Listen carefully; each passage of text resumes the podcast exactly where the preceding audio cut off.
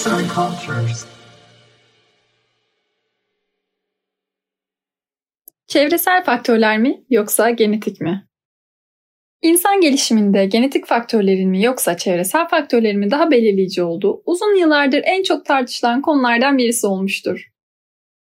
Her ne kadar kesin bir yanıt bulunmasa da hem çevresel faktörlerin hem de genetik faktörlerin insan gelişiminde etkili olduğunu fakat çevresel faktörlerin daha baskın olduğunu belirterek insanın kaderci bakış açısını ya da öğrenilmiş çaresizliğini kırabiliriz diye düşünüyorum. Peki nedir bu gelişim?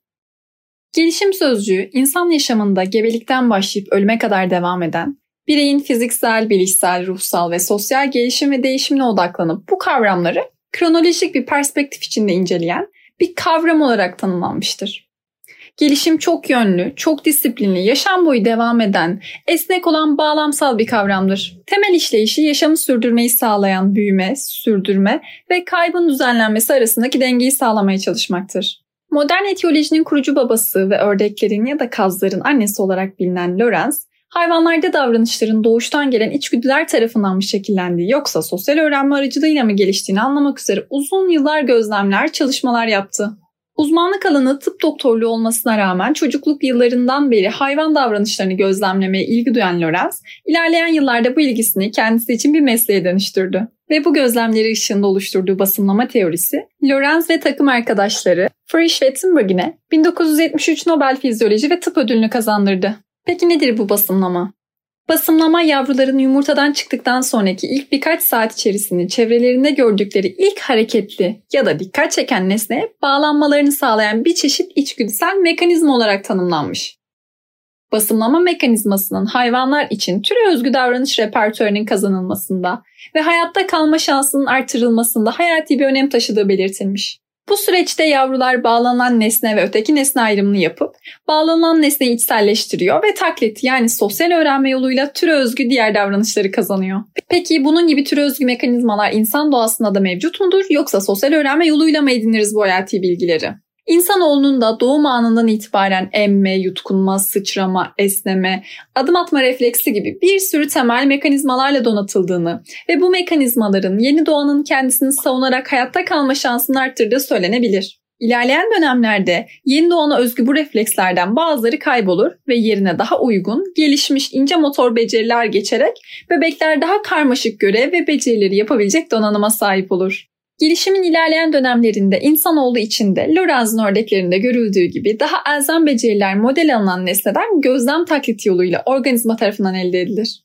Doğuştan getirilen özelliklerle kıyaslandığında sosyal öğrenmenin yaşam boyu devam eden bilişsel, fiziksel, sosyal içeriklerin birlikte işlenmesi sonucu elde edilen daha kompleks bir yapı olduğunu söylemek mümkün. Ve tabii bu yapının da hayatımızda daha önemli bir yer tuttuğunu söylemek mümkün. Bandura ve sosyal öğrenme. Bandura 1977 yılında sosyal öğrenme kuramı ile öğrenmenin sosyal çevre üzerinden gözlem yoluyla gerçekleştiğini ve çocukların çevrelerindeki bir modelin davranışlarını taklit etmesi aracılığıyla bu davranışı pekiştirerek öğrenmenin kalıcılaştığını öne sürer. Aynı zamanda sosyal öğrenme teorisi saldırgan davranışların doğuştan getirilen bir yatkınlık sonucu değil, öğrenme, model alma yoluyla ortaya çıktığını ünlü Bobo Dole deneyiyle kanıtlamıştır. Bu deneyde 3-6 yaş aralığındaki 72 çocuğa önce film izletilmiştir. Filmde ise birisi Bobo isimli oyuncak bebeğe saldırıp kafasına vurmuş, yere fırlatmış, yumruk, tekme atmış ve çeşitli şiddet içeren davranışlarda bulunmuştur. Filmin bir versiyonunda saldırgan kişi bu davranışlarından dolayı cezalandırılmış, diğer versiyonda ise ödüllendirilmiştir. Ardından çocukların Bobo isimli oyuncak bebekle oynamalarına izin verildiğinde saldırgan davranışların ödüllendirildiği filmi izleyen çocukların saldırgan davranışlar sergilediği, saldırgan davranışların cezalandırıldığı filmi izleyen çocukların ise bu davranışları sergilemediği gözlenmiş. Özetle, diğer davranışlarla birlikte saldırganlığın öğrenilmesinin de gözlem ve taklit aracılığıyla gerçekleştiği bulgulanmış. Buradan hareketle doğuştan getirilen genetik faktörlerin, türe özgü içgüdülerin gelişiminde önemli bir yer tuttuğunu, canlının hayatta kalabilmesi için gerekli olduğunu, fakat bunlara ek olarak ilerleyen dönemlerde çevresel faktörlerin gelişimine daha baskın bir hale geldiğini ve canlının bu değişen, dönüşen dünyaya adaptasyonunda hayati bir rol oynadığını söyleyebiliriz. Yazan Hilal Üney, seslendiren Esra Yılmaz.